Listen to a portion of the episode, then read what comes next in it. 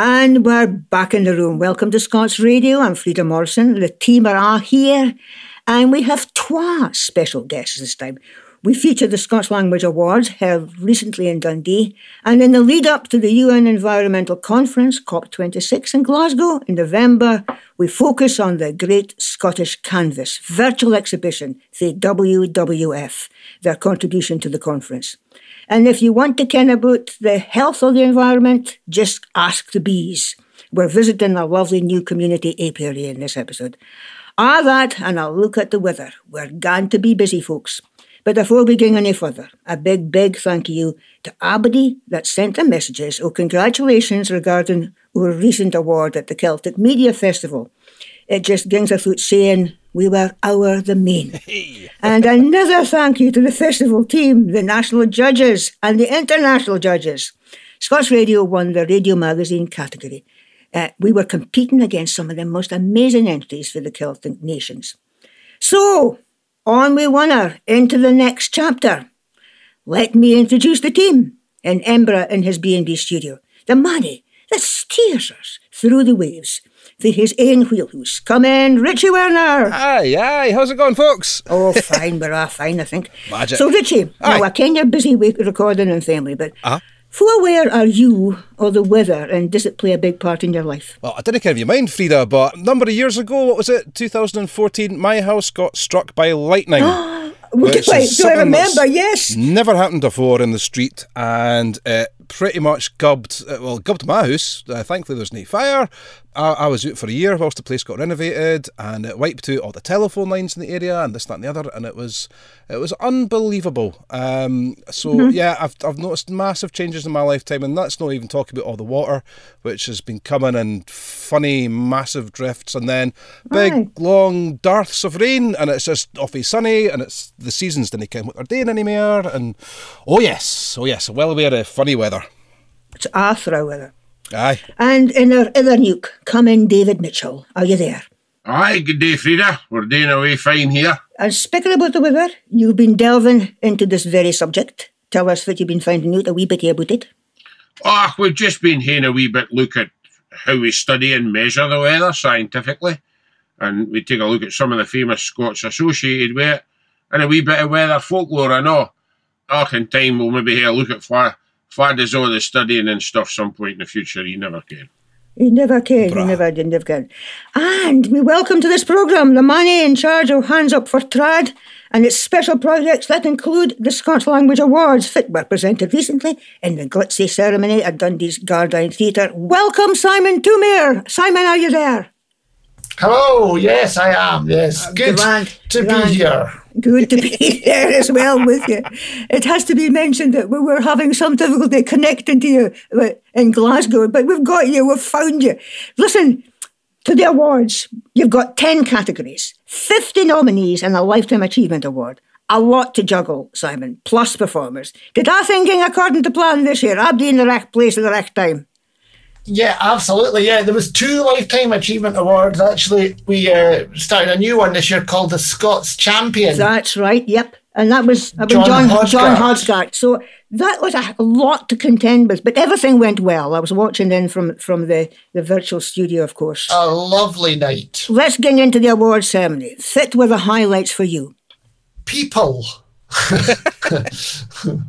people were the highlight. And people start, you never know who's going to arrive. You, you do think you know who's going to arrive, but that doesn't always mean they're going to arrive. And uh, so people just started arriving and people were chatting and talking. And even like people from Hands Up for Trad were meeting up for the first time in 18 months as well. I hadn't seen Percy, who is me and Percy, who are Hands Up for Trad. I hadn't seen her apart from the, over Zoom. Of course. Yeah, so it was lovely. So that was brilliant. Uh, hearing all the amazing Scots on stage was really wonderful. And I have to say, the musicians were great, but the highlights for me on the night was the spoken word contributions from Anna Stewart and Victoria McNulty. Absolutely, yeah, enjoyed them. No, I have to congratulate all the winners and the nominees, and uh, and a special mention, uh, as you said, to J. Derrick McClure and of course John Hodgart for their, their lifetime achievements. And it did your heart bleeds, I mean, to see Shirley-Anne Somerville, the Cabinet Secretary for Education, introducing the whole event, you know, and mentioning some of our own personal experience with the Scots language. And another thing that did my head read was an award for Scots Teacher of the Year, Kerry Fraser for Perth High School, presented by Robert Quinn for SQA. You know, that that's really is a milestone, getting getting this whole focus on what's happening in schools as well. The language awards are really interesting because there's massive parallels for when we started the Scots Trad Music Awards in 2003 because in 2003 when it was the right time for the trad awards that but people were coming together and they were having an opportunity to say what they felt and all their different experiences of maybe being ignored being told that when they played music or their language that they were wrong everything was wrong and actually right. see that with the starts of this third year of the language awards that you know people are getting this opportunity to say that every time i spoke Scots. Everyone told me it was wrong. You know, when you're told that you you're wrong, it it makes you a lesser being in many ways. You know, so all these folk are getting this opportunity to do it, and it's it's an amazing mm-hmm. thing to be part of. And of course, congratulations to Scots School of the Year, Traquair Primary. And a superb performance, as you say, for Victoria McNulty for one, the Scots Writer of the Year. But we're, we're kind of Urfar without mentioning Iona Fife for won this year's Scots Speaker of the Year. Congratulations to Iona. Everything just seemed to come together naturally. There was a lovely feeling in the room, as you say, Simon. Yeah, it, it was just everyone was happy to be there. and They were all chatting away, and I'm sure a few went to a party afterwards. and uh, I have to, a big hand for the Gardyne Theatre as well. They were lovely. great. That was their first public event since lockdown as well, oh, and the oh, staff goodness. are great there. Uh, everything was just so easy. So, all right, it just flowed, it seemed to flow. But listen, I'll come back to you after we hear this tract. This is for the new CD for the Stonehaven Folk Club. Have you heard that yet? I have, yes. It's a beauty, absolute beauty. This is for the notes. I'll read this. The club set up the Folk in Crisis Fund in conjunction with Hands Up for Trad, that's your team, Simon, to provide financial relief for performing artists who were seriously impacted by the COVID 19 crisis. Now, the idea of making a CD flowed through this fundraising effort as a lockdown project to promote Northeast culture, heritage, and sound. The CD is called Sense of the Place. This is the first track. Singer Iona Fife, for one, the Scots Speaker of the Year mentioned earlier. The song she's singing is called Lady Fenella.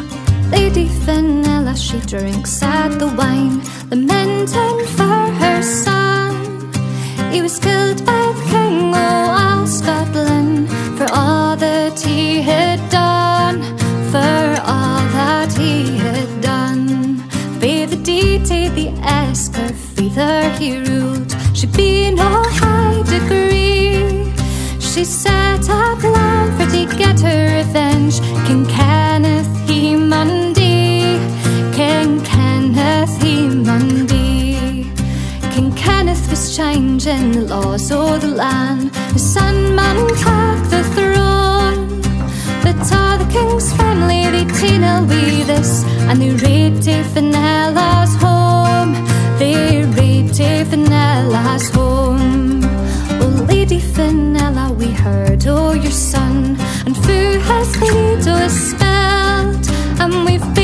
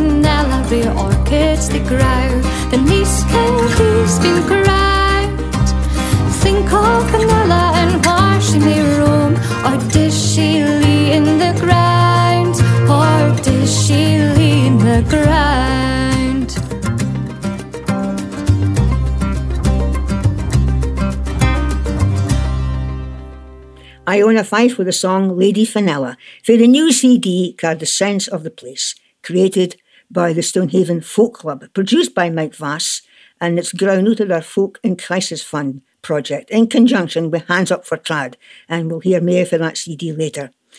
But the money in charge of Hands Up for Trad is Where's New, and uh, it's a grand CD, as we said, Simon. And my compliments to the designer.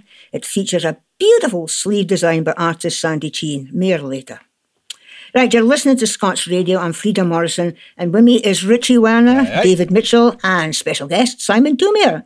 Simon has come just about hot fit for the Scots Language Awards in Dundee. Simon, we have the actual awards and the importance of that, spoken a lot about that. But there's the other bits associated with the awards that are just as important, eh? Raising the profile, raising the confidence, and just the sense of community that that embraces. And the whole event seems to encapsulate that. That is important as well, isn't it? Well, the first thing first about the aim of the, the language awards is to heighten the visibility of Scots language to the media and the public, and that is an overriding thing. I mean, it's a marketing event, and that's. I remember when we started to try the Trad Awards back in the day. Pete Heywood of Living Tradition said to me, "Always make your aims of the event front and center." and he's absolutely right. We've done it from these days. So when people, you know, people criticize or people are not happy with stuff, your your aim is the most important thing. So we Scots language needs lots and lots of promotion. You know, we need loads of things. You know, we mm-hmm. need language bills, we need everything, but we need the public and the press to actually accept it as a language. And that is the main aim of the language awards. And it does a, a superb job, Simon, as may say. Now, Dave, you've been sitting quiet for some time, near like you, you often speak about growing folk. and a big part of that is growing the confidence, isn't it? Oh, it is indeed, Frieda. I- I'm a great believer. If you didn't grow folk as you gone about any enterprise, you're missing something. And so are they. You can't, uh, all you do, you need to grow folk to grow confidence. Mm-hmm. If you've got strong folk, there'll be more confidence, you'll have more success. It's really as simple as that. And you can you shouldn't forget, even if you do have problems, and you will, Setbacks and problems are part of life. It's the way you see them that's important. Just see them as an opportunity. Learn from them. And learn from your own mistakes and your confidence will grow. That's absolutely when it comes to language, I think this is deep, Frieda. Never be afraid to use it.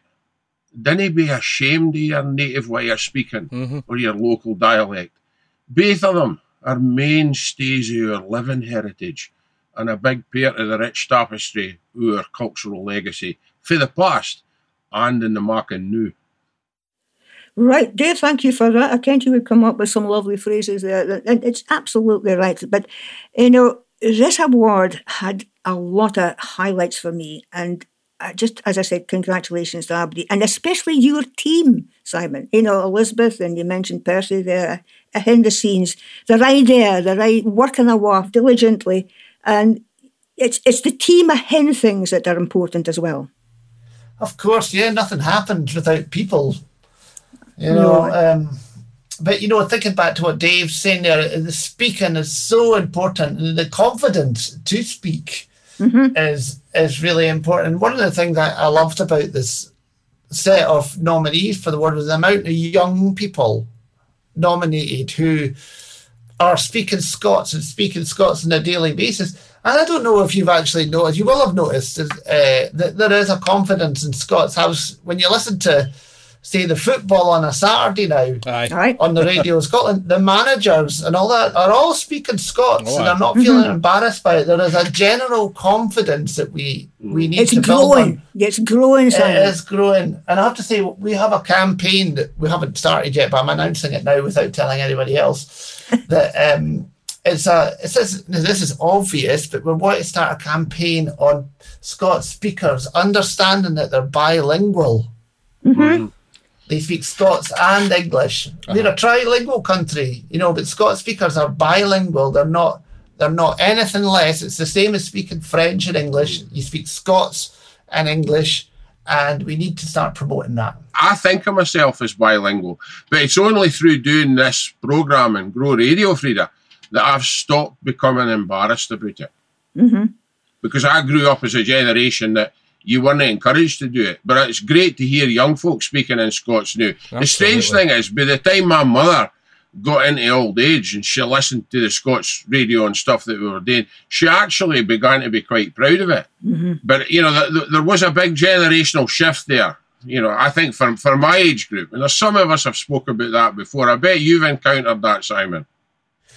Oh, aye, all the time. And actually, it was on the Saturday night. It was spoken about from the stage all the time. At the uh, the education minister, that was the basis of her whole speech. It was great. Shirley- she was going from English to. Scots.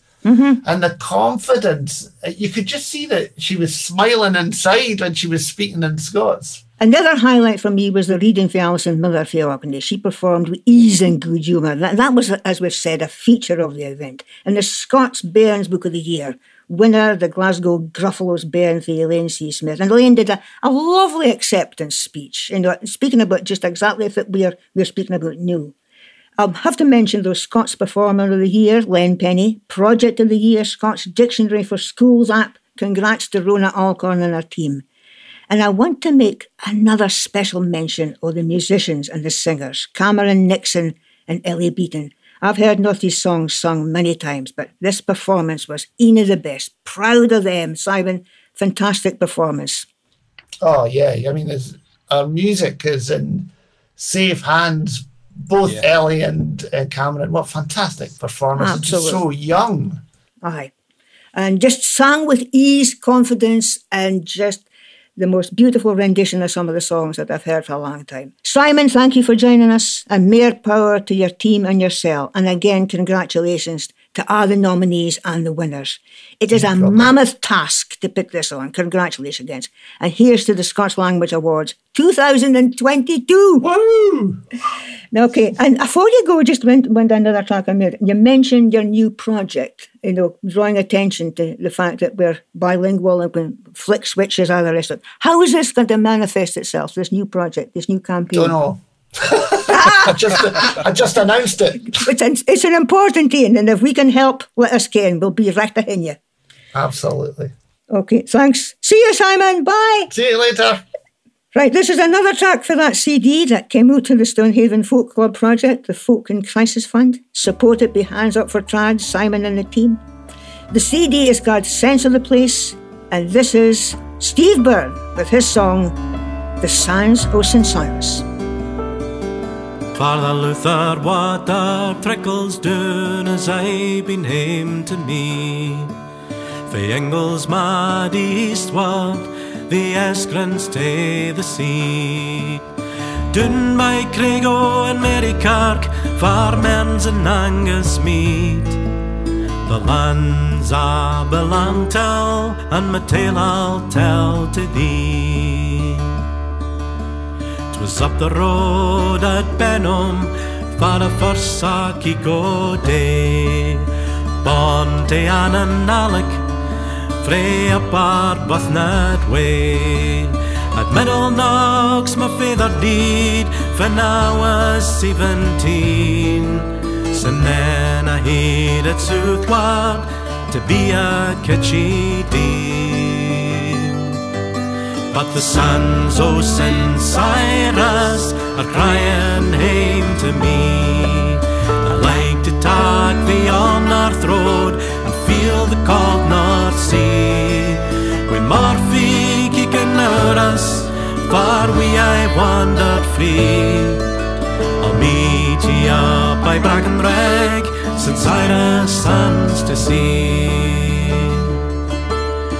Walker quain fair Ferramton, Eliza was my name. I met we Jamie Gordon, frae Tarlenton he came. I caught his ee at the Lammas time, when the first hair's days was done. And sin we twa was courtin', far Fenellas waters run.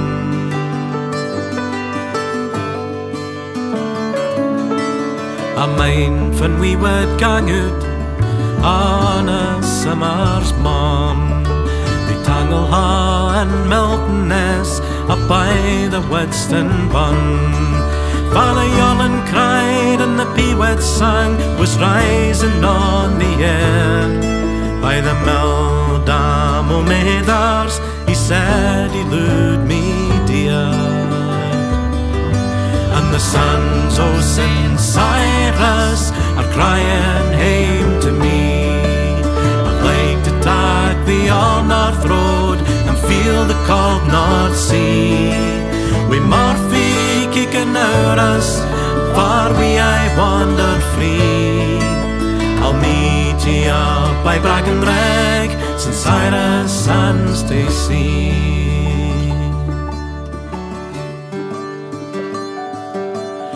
see. We fled down the Espen, Tim and Troses see Watun. We begged her home for a dozen year with the bairns in our wee bedroom. But we didn't fit lay afore, fit the wide world held for me. I never thought on our one day that we'd send her to be.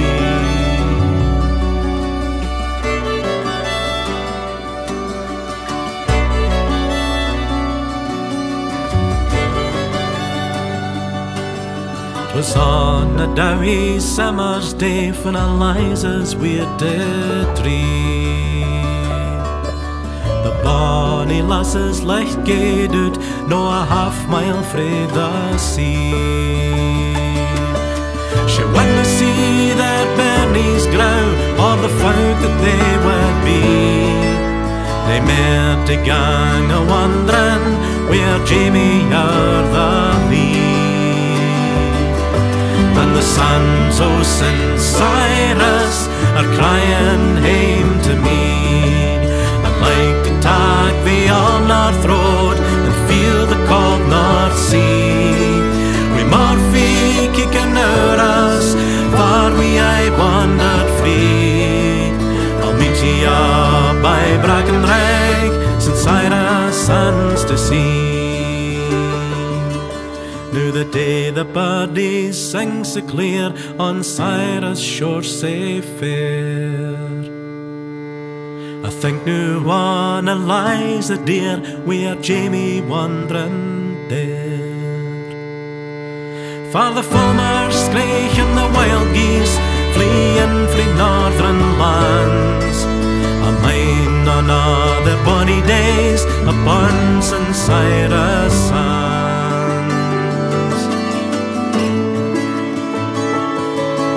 The sons of St. Cyrus are crying home to me.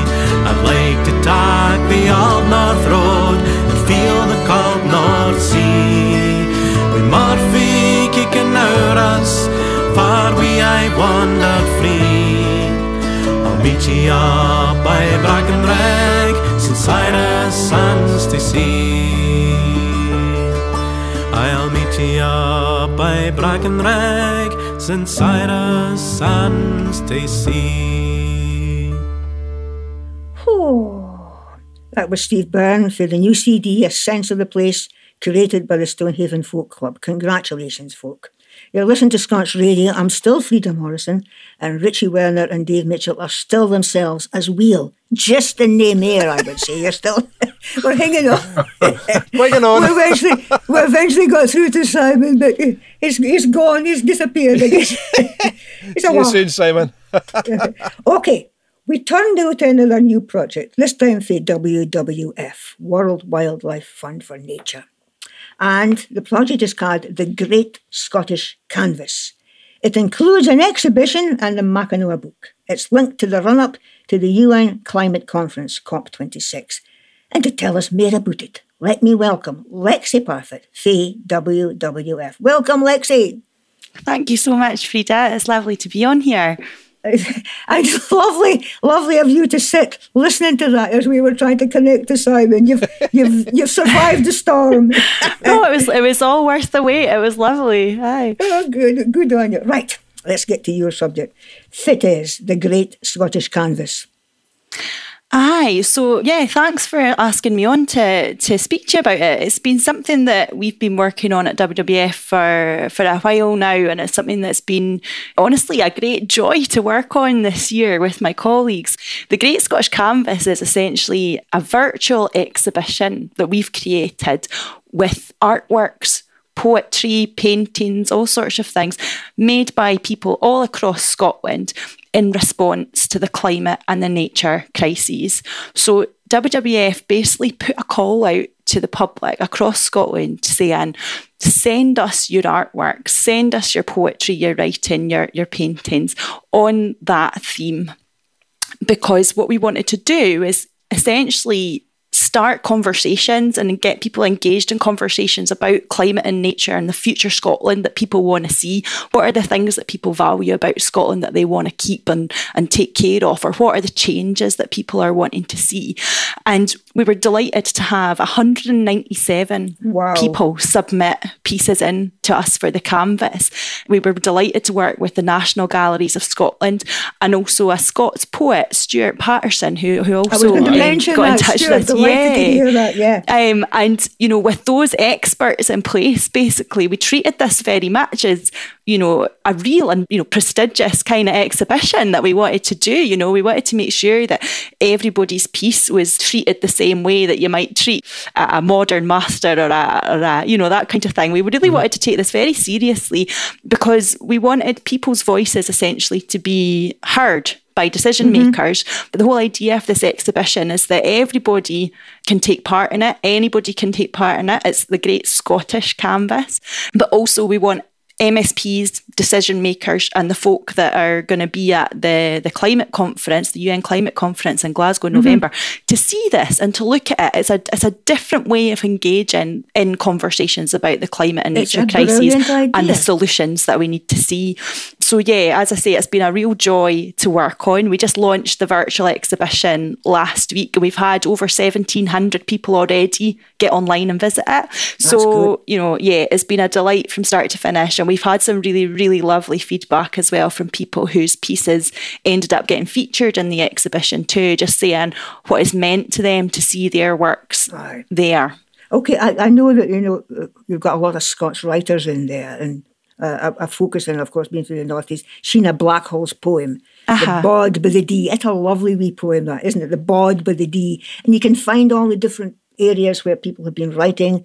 There's some artworks in there. There's some amazing stuff. But just explain. You'd click the link and you go into a virtual gallery and you can go through the corridors of the gallery and see what's on the walls in the different rooms, can't you?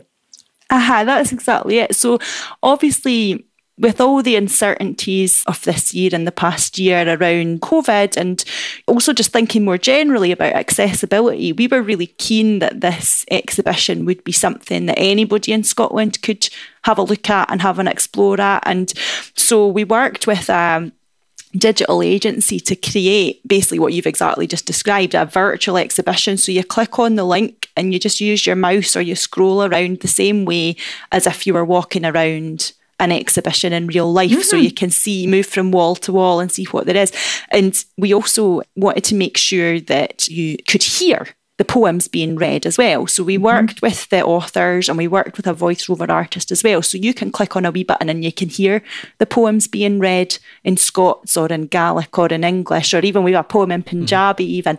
So wow that's a really lovely part of it as well. We were really keen that you know the the canvas was was as representative of Scotland as possible. So we didn't want to just only have you know submissions from the Central Belt and in English from folk nope. that were already really engaged in climate campaigning or whatever. We really wanted it to be really representative. And one of the things I really love about the exhibition is it really did go kind of beyond that kind of usual suspects, you know. So we had our youngest submission was from somebody that was six years old, and our oldest was somebody that was 80. And as you mentioned, Frieda, there's people in there from all across Scotland. But we also had a number of different language submissions, as I've said English, Scots, Gaelic, Punjabi. We had people from new Scots essentially living in Scotland, people who are uh, from France originally, from China originally, from Kazakhstan originally, you know, and also refugees and asylum seekers that had made their home now in Scotland, putting poems and things. So it really is something quite beautiful actually to be able to see and hear people's voices on these issues in a kind of new way. Uh, no, will there be a, a legacy beyond November? Is is there a, a life beyond COP26 for this exhibition?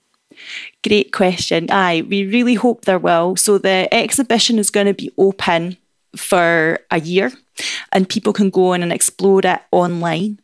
But also because we want to essentially get this in front of the people who'll be making decisions about climate action in Scotland and protecting Scotland's nature and those kinds of things. We're also going to create a physical book with a selection of the pieces that are included in the exhibition. Now, we're going to be giving that book to every MSP in the Scottish Parliament. Lovely. We're going to be taking it to the UN Climate Conference in November as well.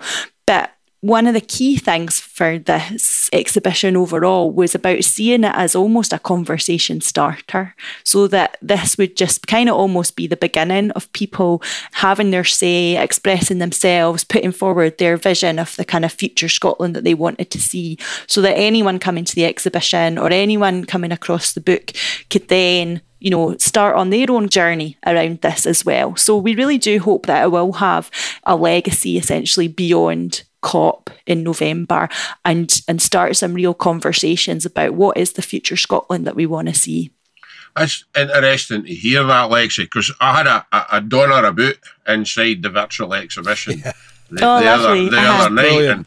and I, I, just fair enjoyed it. I, I, have got to admit, I, I was a wee bit frustrated that I couldn't physically go and see it. Uh-huh. So I'm, re- I'm really glad to hear that there's going to be a book, but I'm even more excited to hear that it's the beginning of a conversation, not uh-huh. the end, because maybe it would be nice to think after COP26, you know, there's a big buzz before it, there'll be a big buzz at the time, but we need to keep that buzz going. Absolutely. So, you know, it would be great to think that maybe in three or four years' time, there maybe was a, an actual physical touring exhibition with more new works and new voices coming across because COP26 is just the beginning of Scotland's discussions about climate. It's not the end of them. Mm-hmm. It's just it's the trigger. Right. It's the trigger, you know. It's exciting stuff. I mean, they make yourself a, a cup of tea or a coffee and hey, a donor about in the room and hey, look, because it's, it's really exciting. Yeah, I, second I, that. I enjoyed what I saw, yeah. you know, it was good. Absolutely brilliant. Lexi, what a great project. And finally, tell us again uh, about the online gallery Folk and Folk accesses and full long will the gallery remain open? Yeah, so you can get into the gallery. You can search WWF Great Scottish Canvas, and that will take you there. Or if you go to the WWF Scotland website, which is wwf.scotland.org.uk, you'll be able to find it on there. And yeah, Dave, exactly as you say, at first we were thinking, how's this going to work? And actually, once you're in, it's, it's really easy to use. It's great to have a wee look around. I should as well mention that we were really lucky to have the support too of two who I would call, I suppose, icons of Scottish literature. Um, Jackie Kay did some work that she mm-hmm. contributed to the exhibition as well, work, yeah. and also Alexander McCall Smith wrote wow. a poem for it too. And so, yeah, I just felt I should probably mention those two titans of Scottish culture that um, helped support us because some of the feedback we've had from folk who've got their work featured there were saying, you know, what a lot it meant to them to have their work featured. And I guess it almost ties back to some of what uh, Simon was saying earlier about, you know, seeing your poem in Scots right up next to. Mm-hmm. You know, a global bestseller like yeah. Alexander McCall Smith or something. So, yeah, I really would encourage people to go and have a wee look. It's a lovely way to spend a wee afternoon with a cup of tea, have a look around, and, and there's some really, really impressive stuff there. I th- I think the, the other thing that excites me about it is the fact that it will be archived. And the voice of the nation now is held and represented in that exhibition. Yeah. And, it will be available to people to look at in 10, 20, mm-hmm. 30 years' time in a new Absolutely. and dynamic way about how we felt about climate change mm-hmm. as and what our expectations were for what's going to happen in Glasgow in November. Absolutely. And I very much hope that in five years' time or in, in 2030, we're looking back at this as in the Glasgow COP as, as a turning point where world leaders have done what they need to do to keep us under 1.5 degrees warming. And I very much hope that when we look back at the Great Scottish Canvas, we'll see, yeah, it was it was a turning point and that was captured a moment in time of the voices of people across Scotland. Can, can I just come in there because I've found uh, the poem that Sheena Blackhall. I've read a couple of the, the verses just to give folk a wee smearing and an idea of what's in there as well. It's got the bod by the Dee, as I mentioned earlier. There's a bod in the park aside the Dee, for the tullach wids hing broon. From the birk tree's shack, his logs preen back, against the wind he's hunkered doon. Though my tales be tilt, and my hair skips silt. The Dee is an ongoing story. The bod in the wed with his fur half hid, and the beach in its copper glory. Isn't that lovely? Absolutely beautiful. Lexi, what can I say? Thank you for joining us. You went through the storm when we were trying to connect with Simon earlier on when the refuge lorry was going past and we couldn't hear on it at one point. you know, but we survived. Thank you for surviving with us. Thanks trooper. so much for having and, me. And uh, as I said, I've fair enjoyed looking at the at the exhibition and more power to you. Bye for now. Thanks so much. Bye now. Okay, this is for the new CD for Manran. CD card Urar. Track card Crossroads.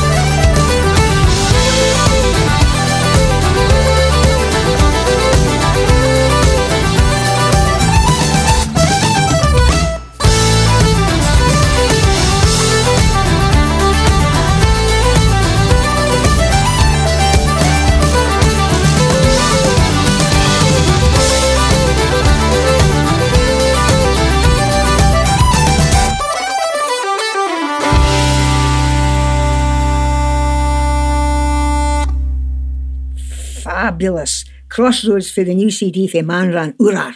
It's saying to look out for. It's a lovely, lovely album. Compliments to the band for some lovely arrangements, energy and innovation, songs and instrumentals. Great. I just realised I didn't tell him that does Abdi ken for the bod with the Dee or the bod is? No Remember I mentioned I mentioned the bod. Does Abdi ken for that is? No? Okay. It's the hair. Ah, The hair. That's the Scots word for the hair. Well, you go. see- oh, I should have told you. Right. Dave Mitchell has been delving again. This time, delving into the subconscious or the Scottish mindset that seems to start and stop with your relationship with the weather. As always, an important topic. And Ian that will take centre stage on the upcoming UN Environmental Conference to be held in Glasgow in November, as we said. So, Dave, fit why are we I going on about the weather here in Scotland? Oh, Frieda, come on. The weather, we're paranoid about it, but you can, there's some queer reasons for that in Scotland. And a lot of it's, we often say we get four seasons in a day, but there's a lot of things driving that. Gulf Stream, altitude, topography, rain shadow. You can, if you think about dividing Scotland north-south, you get more light in the north in the summer than you do in the south, because the day length's longer it's darker in the north in the winter than it is in the south. If you take east west, you get more rain in the west and less rain in the east. You get more sunshine. Uh, well, you should get more sunshine in the east than you do in the west, but I'm not sure that's either No. the case now. And then you get all the seasonal variation. I mean, Scotland has a magic climate. You can grow just about plants for anywhere in the world here. But there's lots of things driving that. But the biggest thing's the Gulf Stream. I mean, if we didn't get the benefit of the Gulf Stream, Scotland would be in the middle of Russia in the winter. Mm-hmm. It would be all surrounded in ice. You know, that, that's no clever. Nay, no clever at that. Have I been so fascinated by it? Look, I think we have, Frieda. You know, the weather impacts on our daily life. Although we didn't think so much about that nowadays as we maybe our ancestors did. And if you look at Scottish weather lore, there's lots of examples. I think probably the most famous one, read sky in the morning, herd's warning. Read sky at night, herd's delight. There's another one, mackerel skies and mare's tails, give money a ship furled sails, meaning you get really calm weather. I love this one. When the wind's in the east, it's neither good enough for man nor beast. And you and I biding in Edinburgh, Aye. Richie, eh? we ken that. Oh, aye. You know, when the, City. you know. And then another wee query and I come across Candlemas Day, again in February. If Candlemas Day be fair and clear, there'll be 12 winters in a year. You It's know? often true. I've noticed that. Aye. What was the first of the scientists to study weather here in Scotland? Because we, we do have a legacy for that. there was a fellow called Alexander Wilson who did experiments with thermometers um, fitted to kites, and he also studied sunspots. And there was another fella, John Welsh. He, he, he was born in 1824 in Galloway, and eventually he became superintendent of the Kew Observatory, and he did a lot of work on magnetism and work with marine barometers. You know, so there, there's been quite a few famous Scots you know, associated with the weather in the early days. Wilson, I think, was probably the first. What about further back, though? Anybody associated with the study? You've got to mention Lord Kelvin. I mean, he, he was born in Belfast, but he spent 53 years of his life as Professor of Natural Philosophy at the University of Glasgow, working on thermodynamics. And it was him that identified the point that we call absolute zero. Is that the, uh, in association with Kelvin Grove, etc.? well, he, he, Kelvin Grove and that named after him. And then there's, there's another fella, John Aitken. He developed an apparatus that could measure fog in the atmosphere. Gotcha. And then there's a fella, Robert Mill. He studied the weather and rain patterns and how it impacts on our life. So you know, there's there, there- there's there's there's been a wheen of them. Aye, but we measure the, the weather scientifically, don't we?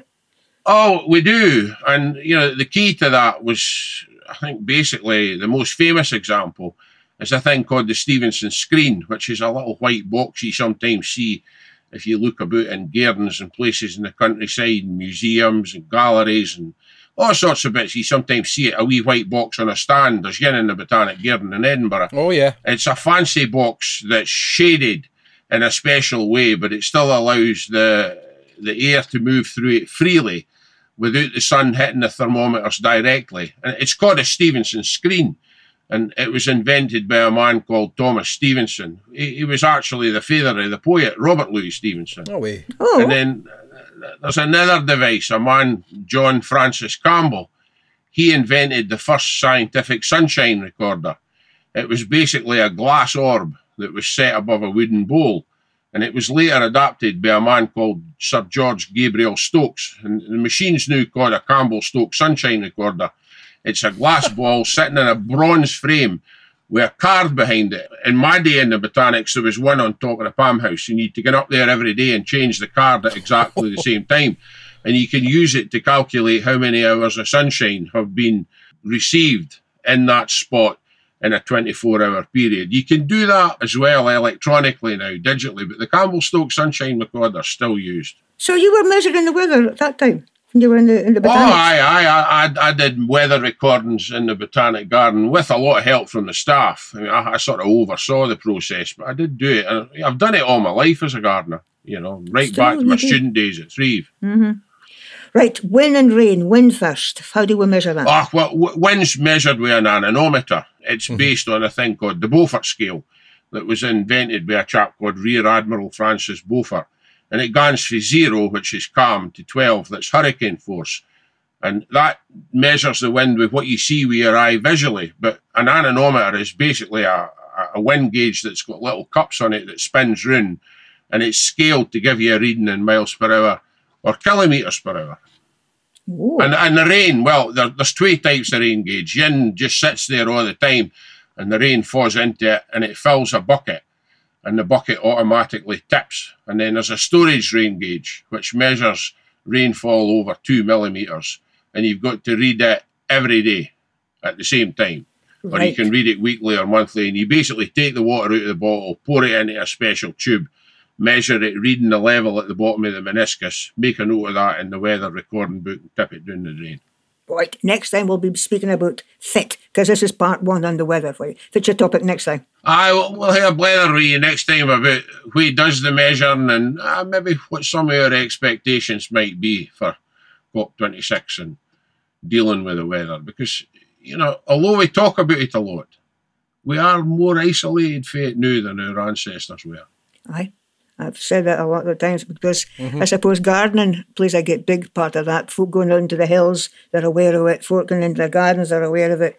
But a lot of folk are, are, are separated from it. Anybody that's relying on the land for their living or for their hobbies are more associated with it and more understanding of it. But there's a lot of folk, you know, who, unless it does what it does to Richie, and your Aye. house is struck with lightning or the roof comes off in, the, in a gale, they're pretty disconnected from it. You know, His roof hasn't come off in a gale yet, is it? You've still got a roof. it had, a, it Well, had, it's it had pretty- enough Pretty leaky, but let's not talk about that. right. Thank you, David. Much, You're much appreciated. Much appreciated. This is one of my favourite Scots singers, Biden New in Australia. This is for her album Clyde's Water, Fiona Ross, We Are burn song. My ain kind dearie. When o'er the hill the eastern star tells Bachtel time is near my Joe, and and free the furrowed field return, say dove and weary oh. Dul by the ball or scented box which you are hanging clear, my Joe. I'll meet thee on the lyric, my ain kind dearie oh.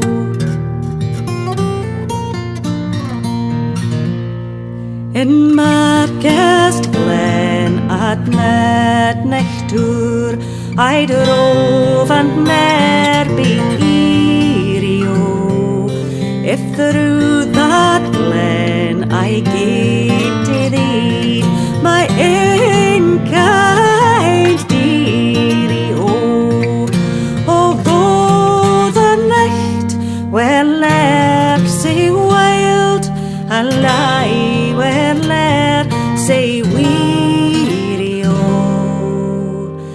I'd meet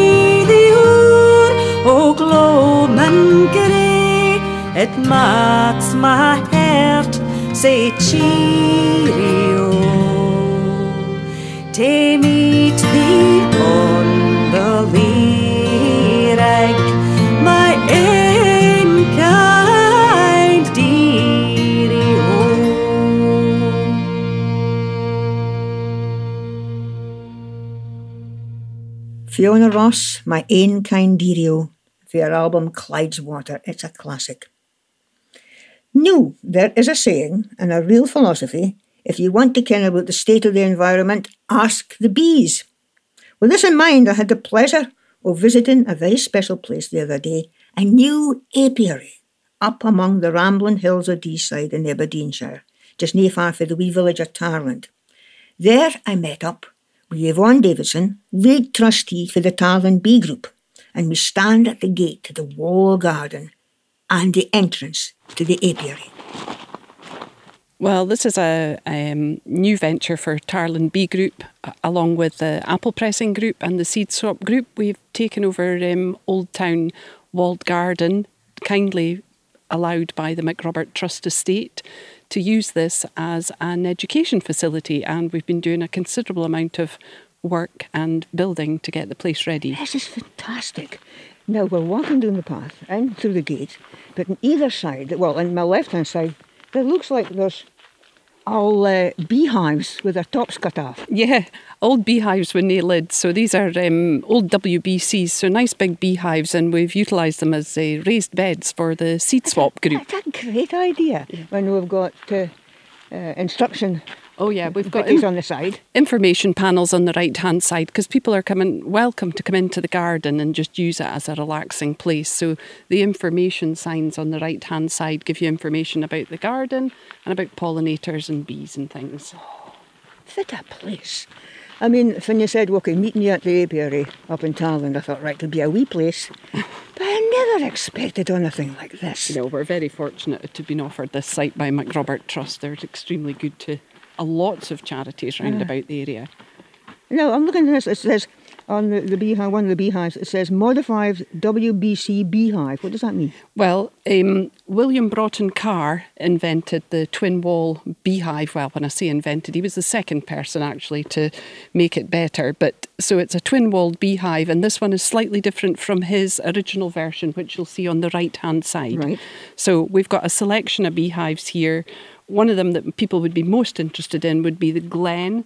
Because it's an absolutely massive beehive, still in the WBC um, way of making it, but it holds a 16 frames, which is a jolly big hive. And I mean, this hasn't been an easy year for, for beekeepers, but has it been a, a difficult year for bees?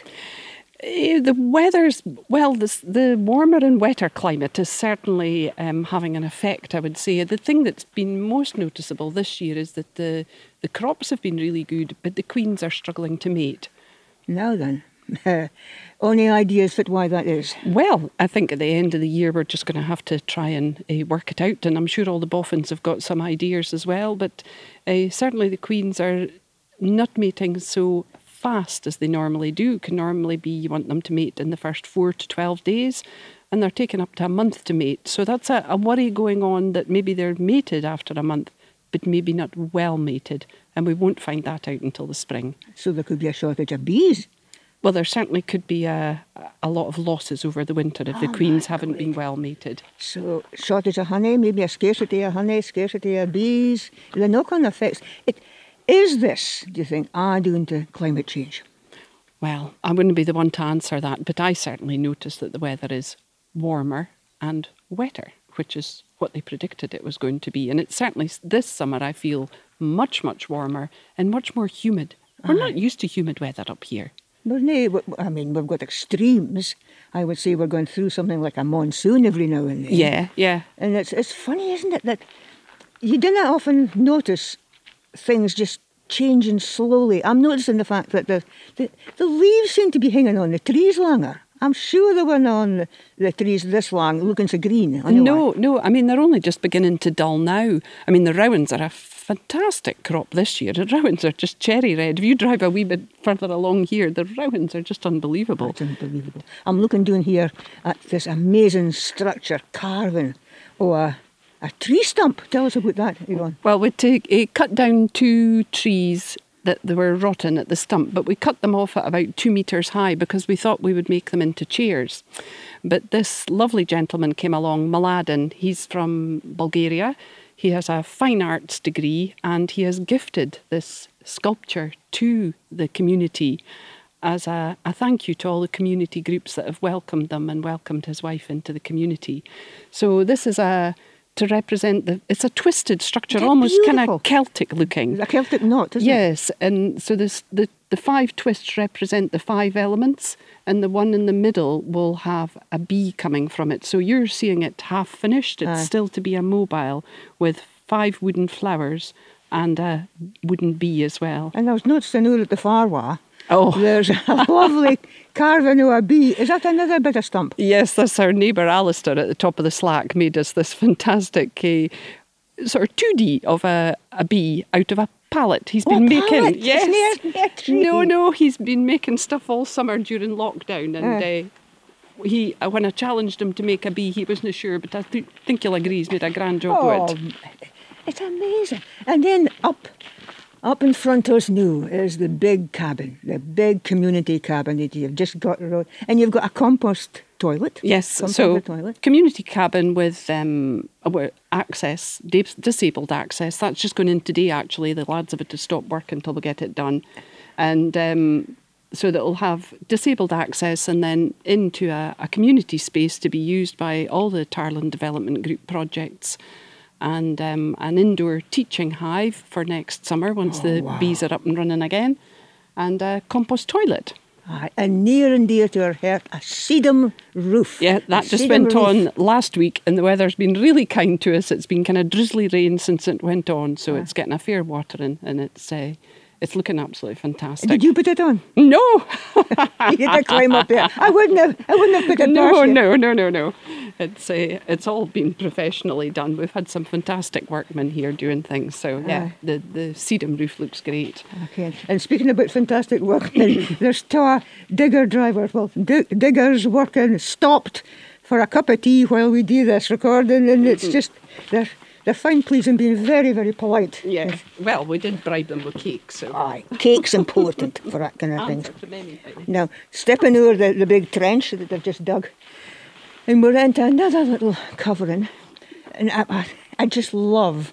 What's the right name for the, the little skeps in the wall. So these are called the the granite structure is the the wall, and it has bee bowls in it, B O L E S, and they were traditionally put into walled gardens on the south facing wall, and bees were kept in them in skeps.